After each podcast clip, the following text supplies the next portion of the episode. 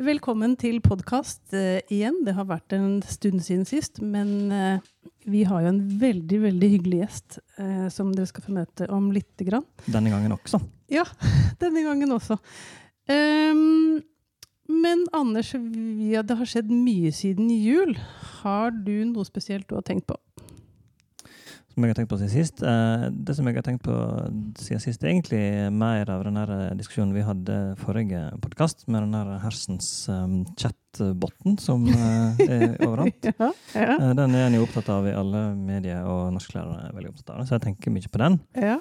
Uh, om, jeg, om jeg hva jeg syns om den, om jeg, om jeg er imot eller for, eller hva den kan brukes til. Så jeg, jeg er litt sånn hodet fylt med den. Og så tenker jeg på at uh, det syns jeg at det skal bli vår snart.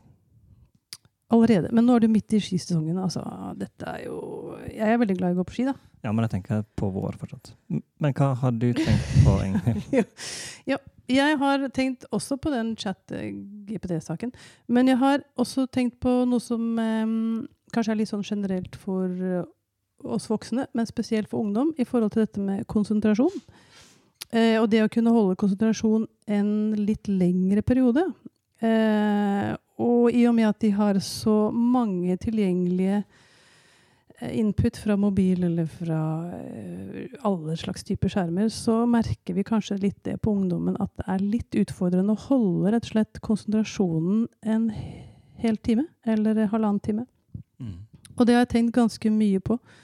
Em, så mye kanskje at vi faktisk skal ha litt mobilhotell i min klasse. Jeg vet ikke om det er en bra idé, men vi prøver det ut. Ja, jeg tror det er verdt å prøve ut. Ja.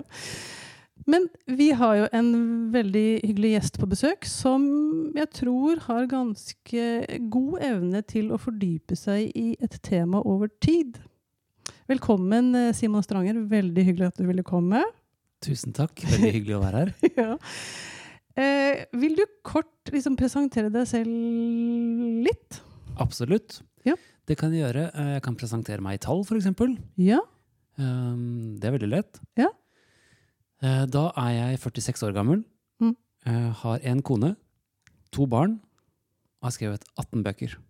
Ja. Og har én jobb, og det er å være forfatter.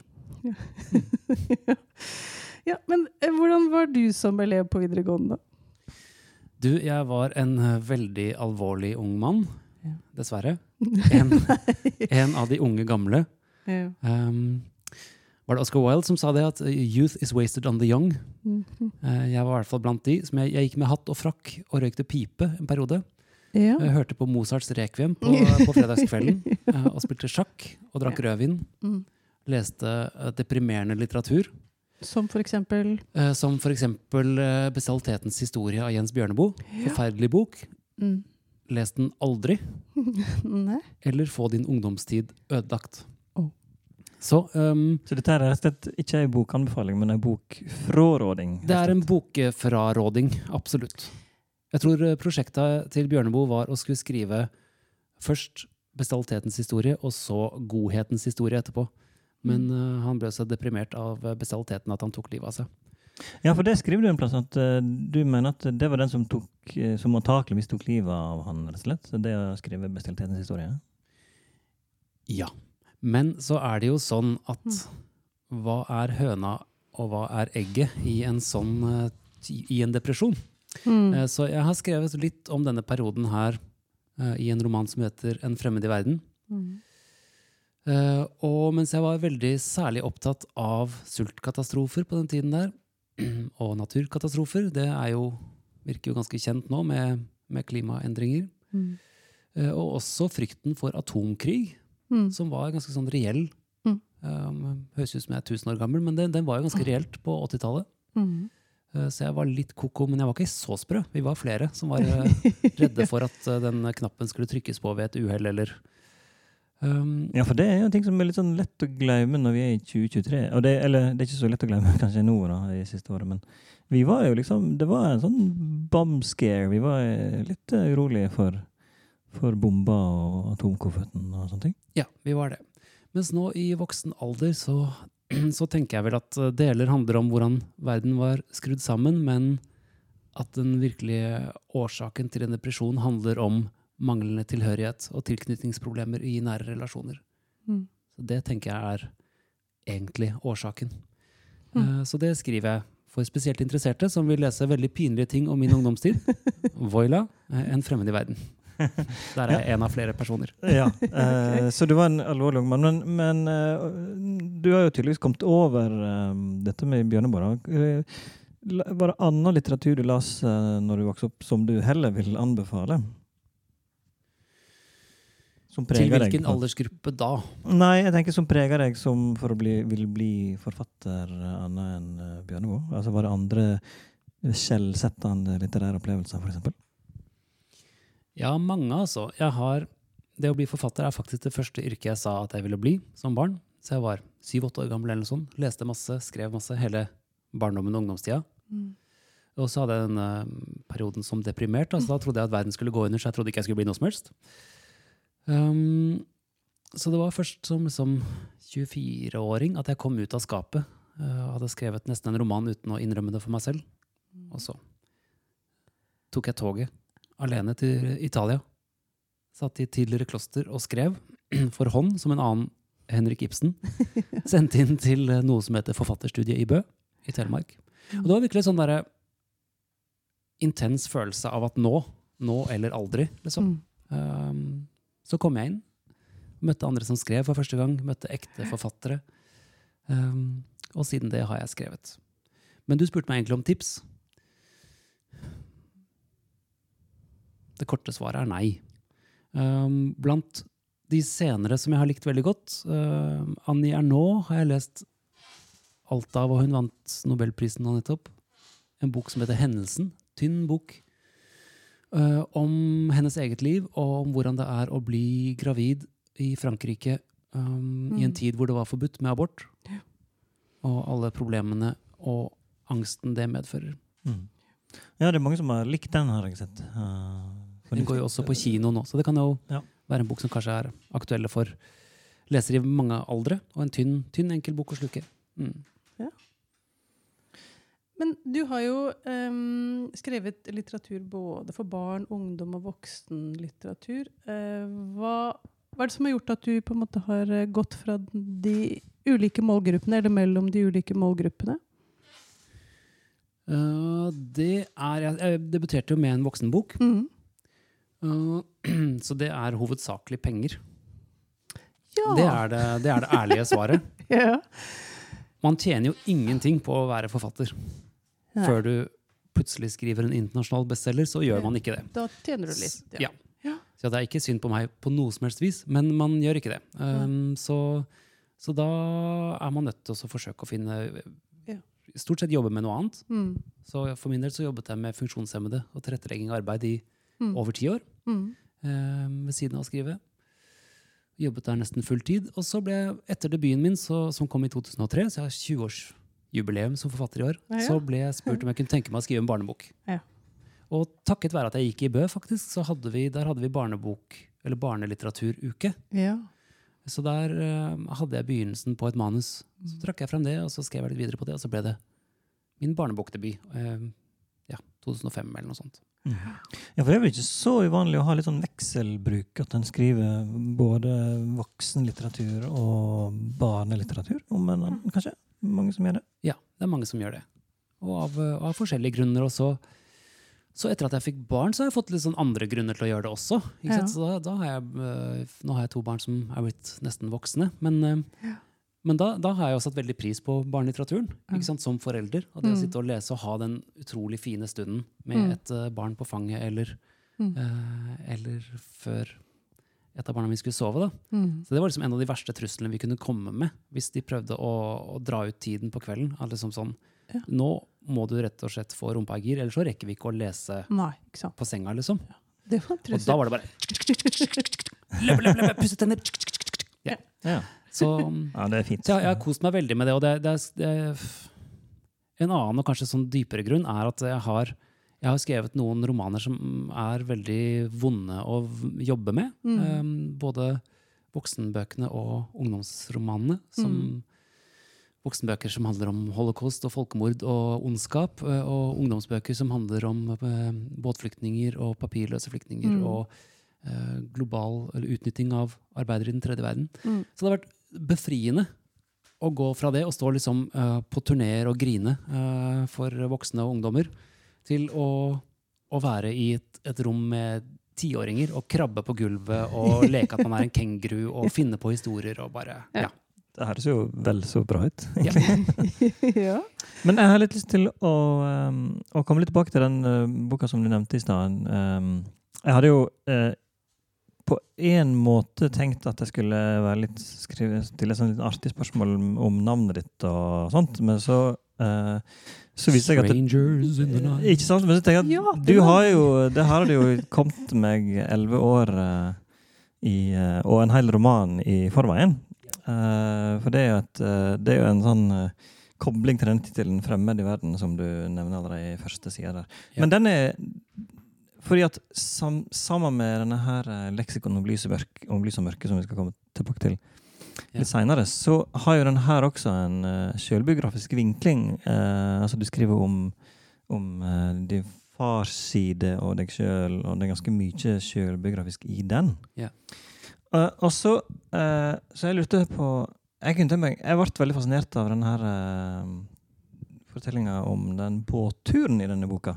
Yeah. eh, som du tok i Års eh, rundseiling på havet. Og yeah. siden det er januar, eh, så fikk jeg litt Husker du noe av den? Kunne du fortelle litt om den? Siden vi nå er i januar, og det er kaldt og vinter, og så eh, reiste dere på havet i, eh, i Karibien. Ja, det gjorde vi. Så jeg var så heldig å um, bli spurt om å bli invitert med på en seiltur et år.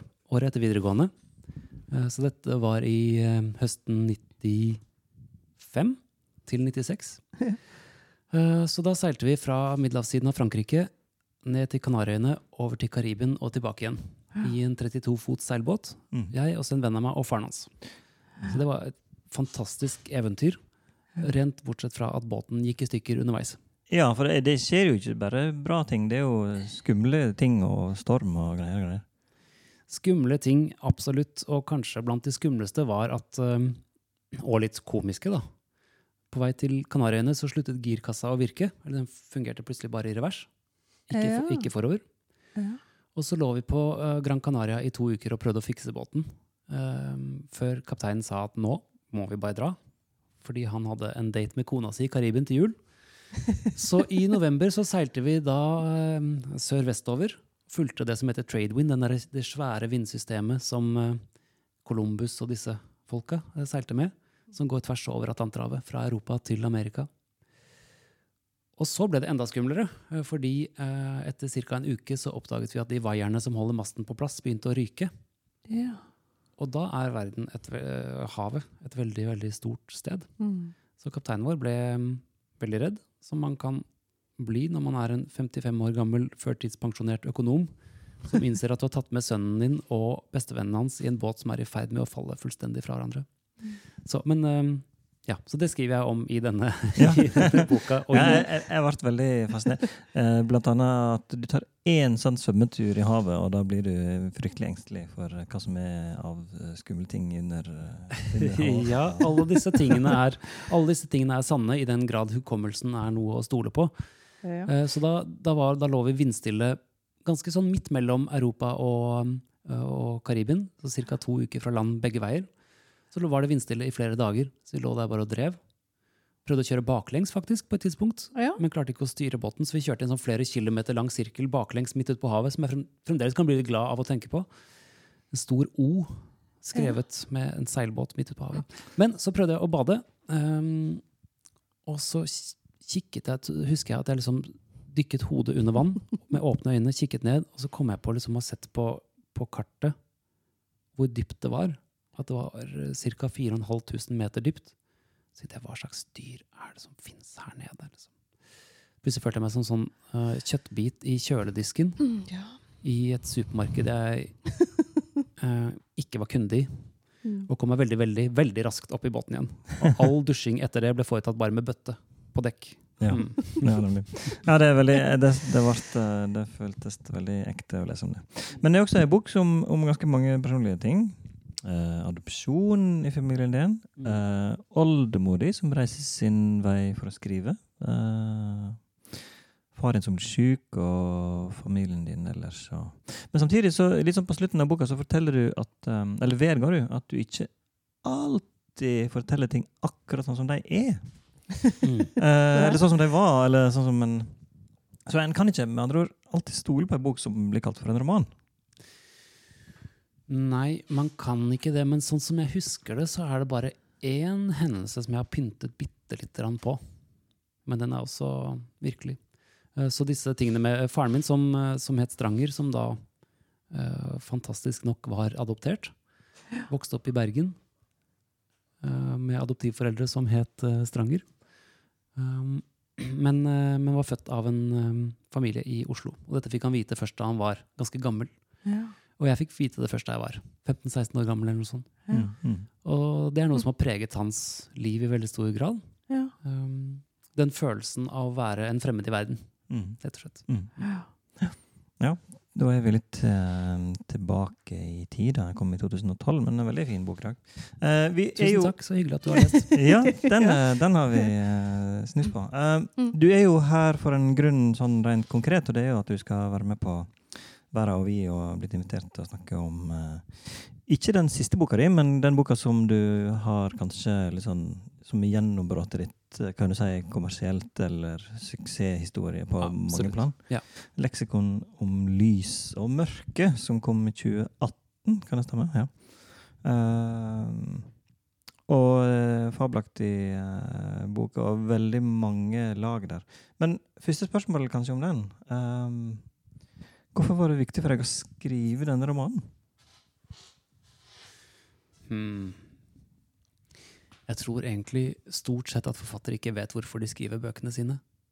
Egentlig. Eh, Så for min del så var det da svigermoren min fortalte at hun Og da hadde jeg vært sammen med, med Rikke, kona mi, siden 97. Mm. Jeg har vært sammen med henne i over 15 år og vært forfatter i mesteparten av de årene. Ja. før Og det var ikke hun som fortalte det engang, men sånn som jeg skriver i romanen. Hennes eh, ektemann som kom ut på kjøkkenet og sa 'Vet du at hun Grete vokste opp i huset til han Rinnan, du?' Ja, ja. Eh, så så det, var, det var det øyeblikket da hun fortalte at hun sto i toppen av den trappa i en enebolig utenfor Trondheim sentrum og delte ut håndtegnede billetter til en Ja. danse- som musikalforestilling som hun og søsteren og venninner i nabolaget skulle ha nede i kjelleren. Mm. I de samme rommene som var et torturkammer Mm. noen få år tidligere, så visste jeg at her er det en roman. Mm. Eh, og så ble min jobb bare å forfølge den intuisjonen, egentlig, og den følelsen at hva er, hva er det her? Hvorfor i all verden flyttet denne familien inn? Hva gjorde det med dem? En familie av holocaust-overlevende, Mm. eh, hvor eh, hennes eh, bestefar ble, eh, ble drept, eh, og en onkel.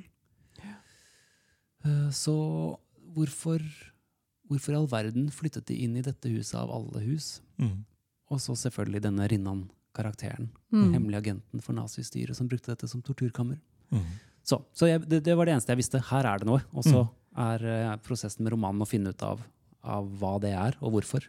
Ja, for Mm. du skriver jo på en måte litt sånn uh eh, Hva skal jeg si Du eh, tar utgangspunkt i alfabetet. Hvordan endte du opp i den formen? Hvorfor syns du det var løsningen på en, Det er jo et, en stor historie og en lang historie, eh, men hvordan endte du opp i den formen? Det vet jeg heller ikke. Men eh, det, det litt bedre svaret er at jeg eh, Jeg tror jeg var veldig en, um, en av de forfatterne som inspirerte meg som ung, er en som heter Georges Perec. En ja. eh, fransk forfatter som var med i en, en bevegelse som het Olipo. Uh, dette er litt sånn for viderekomne, altså. Men det er en gruppe forfattere som lagde begrensninger for seg Mm. selv. Mm. Så han har en roman som jeg, som jeg kopierte nesten utgangspunktet for. Hvor han skriver om en bygård i Paris. Ja. Og så er hvert av kapitlene i boka er et eh, rom i det huset. Og så Ja. følger man hundrevis av personer. Ja. Så det å, å lage en eller annen form for begrensning Mm. eh, Så i mm, første skissen til denne boka her så skrev jeg også med utgangspunkt i rommene i huset.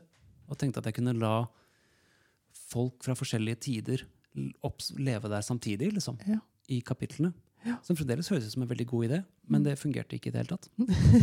Og så, men så hadde jeg et parti på midten hvor jeg skrev et personlig brev til Hirsch kommissar, som er eh, oldefaren til kona mi, um, som ble skutt og drept i 1942. Mm. Ene og alene fordi han var jøde. Og, der, og så skrev jeg det alfabetisk bare for å ha en eller annen sånn klar Mm. eh, formening om lengden på det. Mm. Det skapte liksom en, en form. Og den, der var det en helt annen emosjonell og estetisk energi i teksten enn ellers. Ja. Så jeg skal avslutte dette lange svaret veldig Det snart. går, det går Så det jeg fikk følelsen av da, ved å gjøre det med hele romanen, Ja. er at tid og rom oppløses.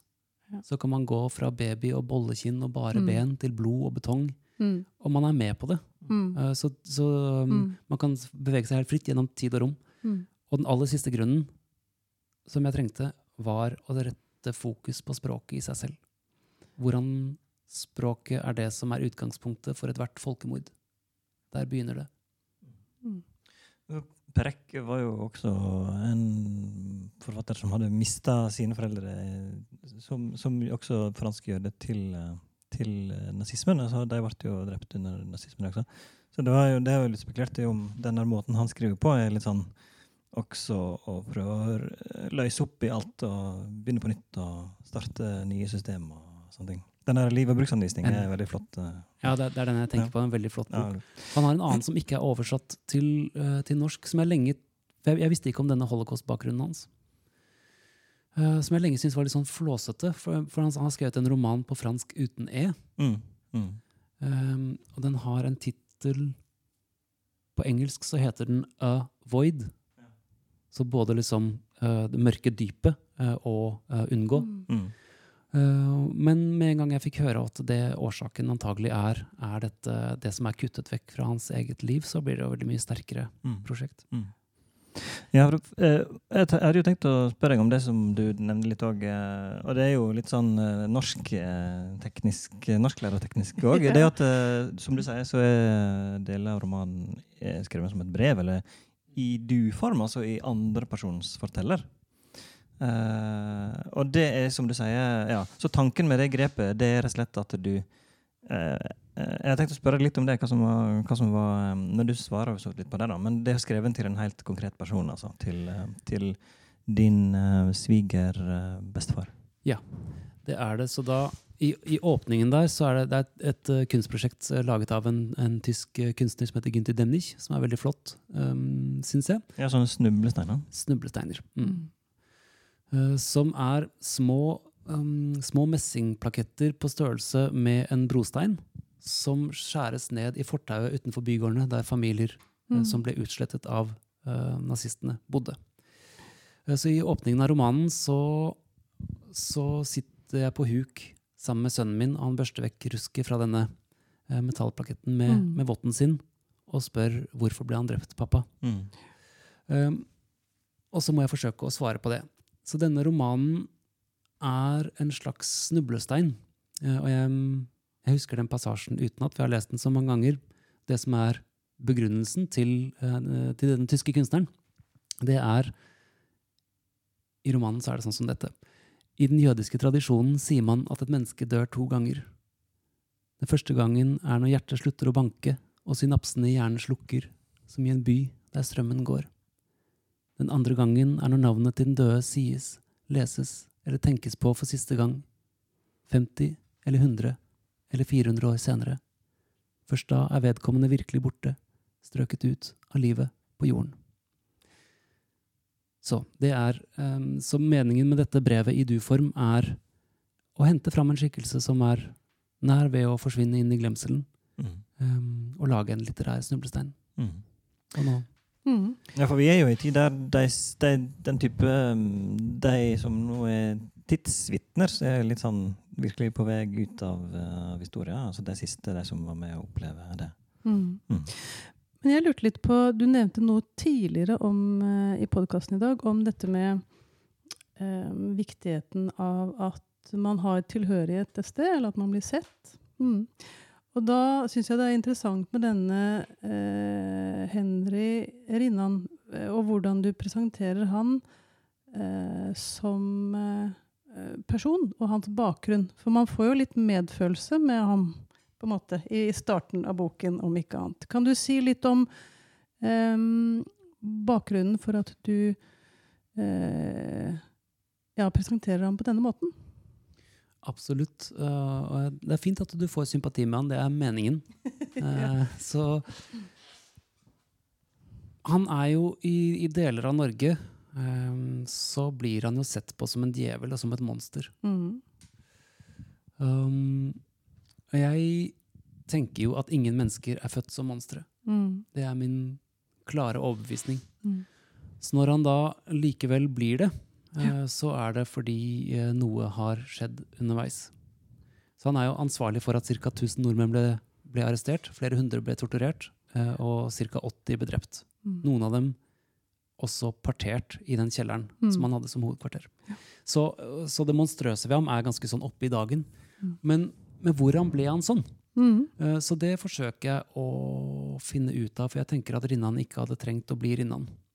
Ja. Eh, Så på sett og vis så er det et portrett av en av de som faller utenfor. Mm. En av de som ikke passer inn, en av de som blir plaget og ertet og mobbet, og som Mm. etter hvert snur narrativet eh, Ja. om sin egen tilkortkommenhet og sier at det er ikke sånn at jeg ikke får slippe til å være en del av gjengen. Jeg vil ikke være en del av gjengen. Jeg er noe annet, jeg er noe bedre. Mm.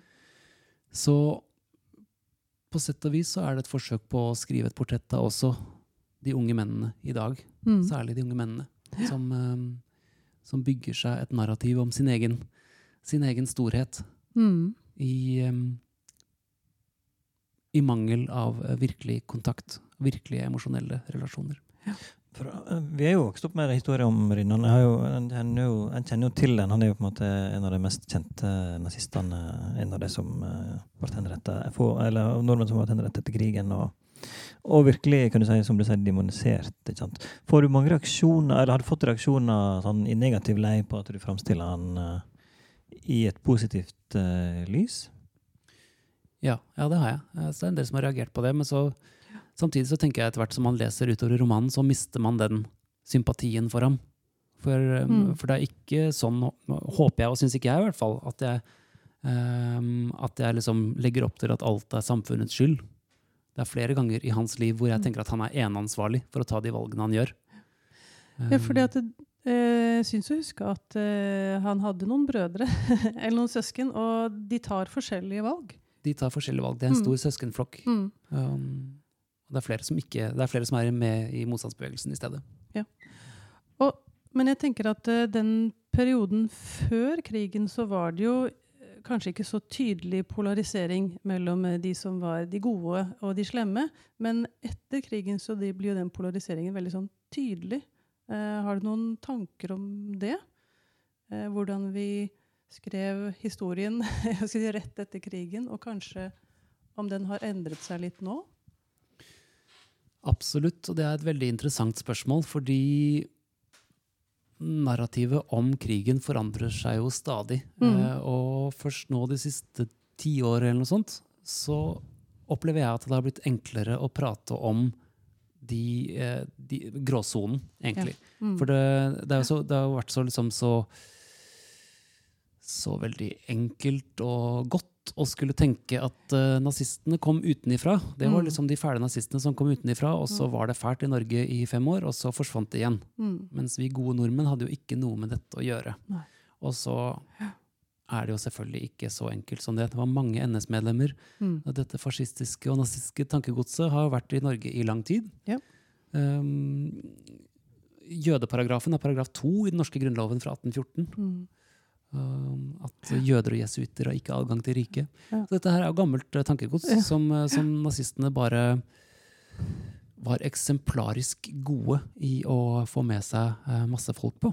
Ja. Så, så nå, Mm. nå, nå begynner beretningene om, om de som var ikke bare frontkjempere, men, um, men også de som, som profitterte på krigen, kanskje. Og Mhm. ja, gråsonene. Eh, og jeg tenker også det Du refererer i slutten av min versjon av boken, side 383, så snakker du om en liten bok om ondskap. Jeg, litt, jeg husker ikke helt forfatteren, men som prøver å si noe om det her at eh, under rettssaken så virker det som om Rinnanbanen er på en måte Ja, de står her og snakker sammen og har det liksom litt sånn hyggelig og fint. Ehm, så kan du si noe om temaet rundt dette, det etiske valget, når det inntraff? Altså når var det de på en måte Når tror du at det bikket, eller når tror du at Ja. Skjønner du hva jeg lurer på? det gjør, det gjør jeg. Jeg tenker at det er som et par sånne punkter i Rinnans liv. Mm. Det første når han begynner å stjele penger. Ja. Fordi fra å være denne, eh, dette mobbeofferet i barndommen, mm. Ja. så får han seg faktisk fast jobb Mm. eh, i onkelens butikk i Levanger, som er en Mm. liten by på, litt utenfor Trondheim. Mm. Uh, og så får han, får han tatt lappen, som er ganske sånn sensasjonelt på 30-tallet. Ja. tenker jeg liksom er litt som om du har sånn sjøflylappen i vår tid, eller noe sånt. Ja. Uh, Så han kan kjøre kamerater til danseforestillinger eller sånn uh, ut på lokalet. Mm. Og så får han seg faktisk en kjæreste, kone og barn. Ja. Sånn at når krigen kommer, så er det ikke synd på han egentlig, altså. Nei. Eh, men han fortsetter å stjele penger. Han syns ikke han tjener godt nok. Mm. Og så rett før da krigen bryter ut, så blir det oppdaget. Han blir mer og mer vågal. Og mister jobben på dagen.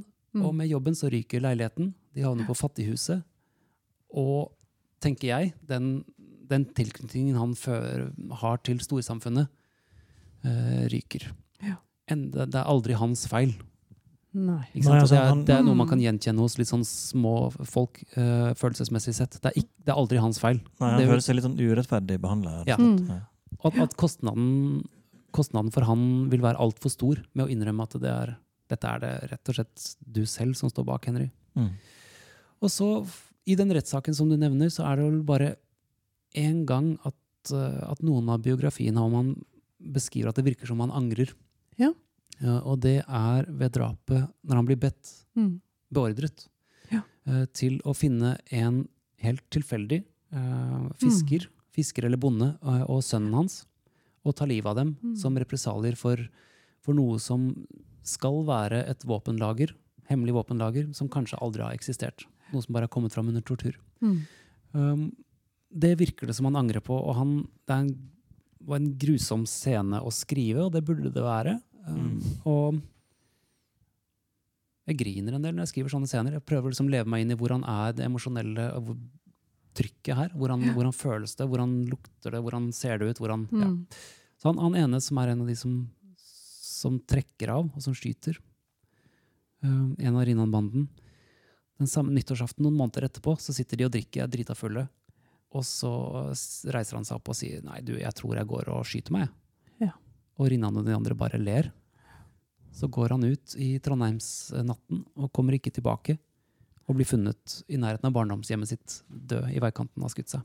Så det, det er nok en av scenene som, som gikk inn på dem, mens fryktelig mange flere burde ha gått inn på dem. Eh, Så, så jeg skal ikke, det her er ikke for å rosemale, skjønnmale Rinnan.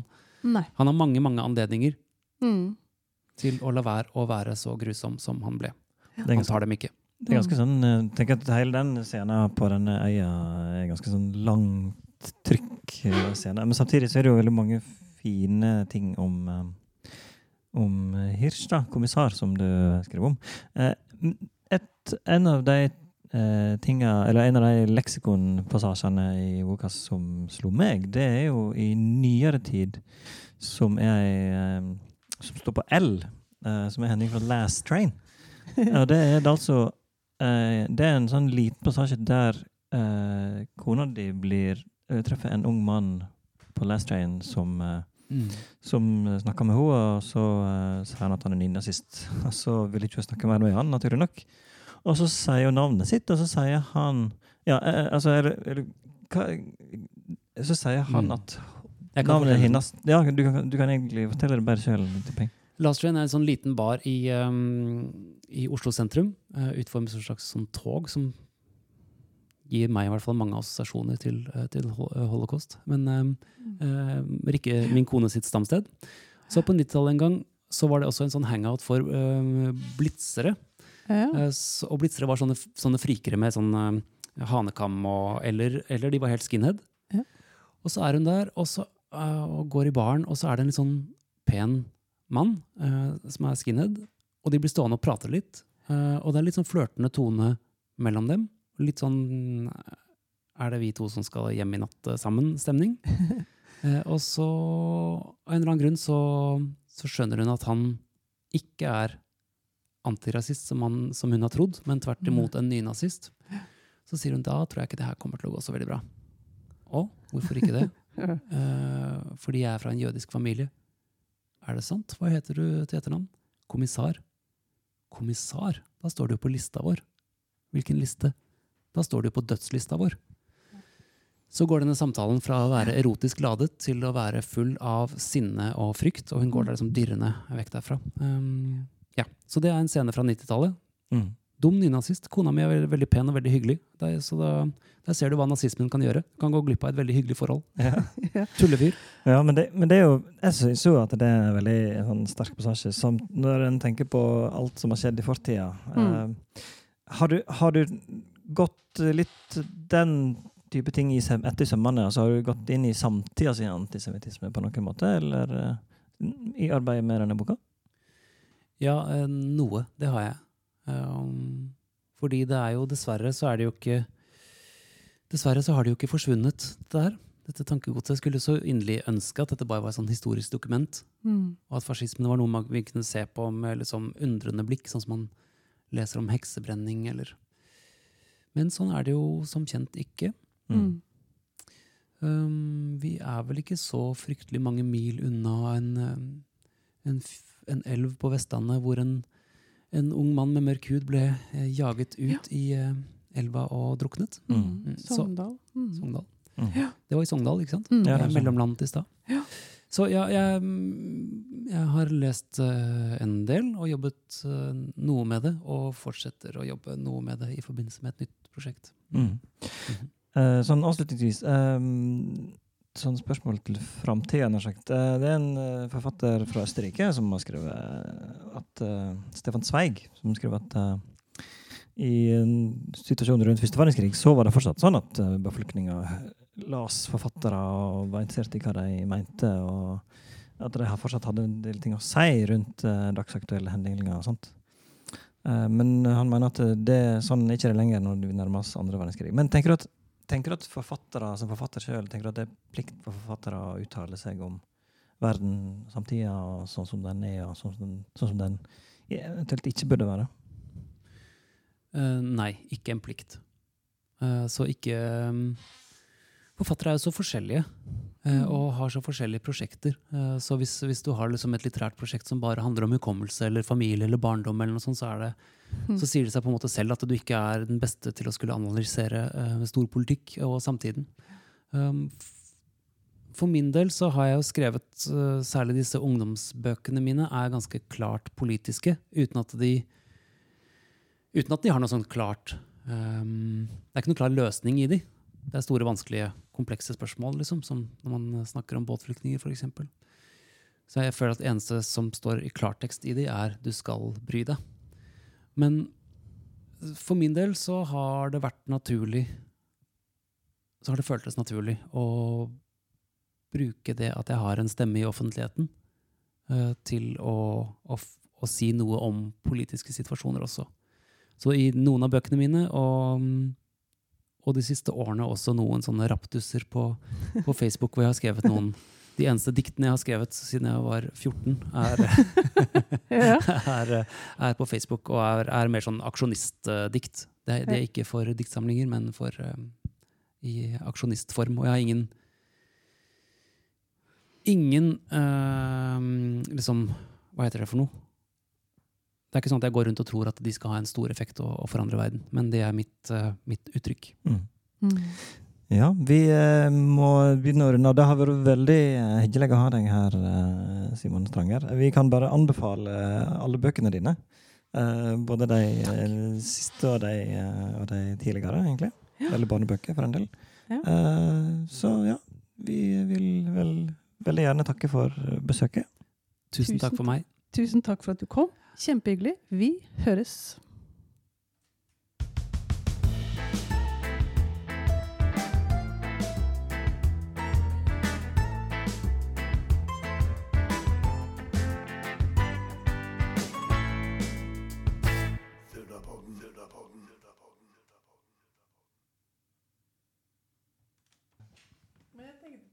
Det er jo at eh, dette, ja, dette var kanskje da en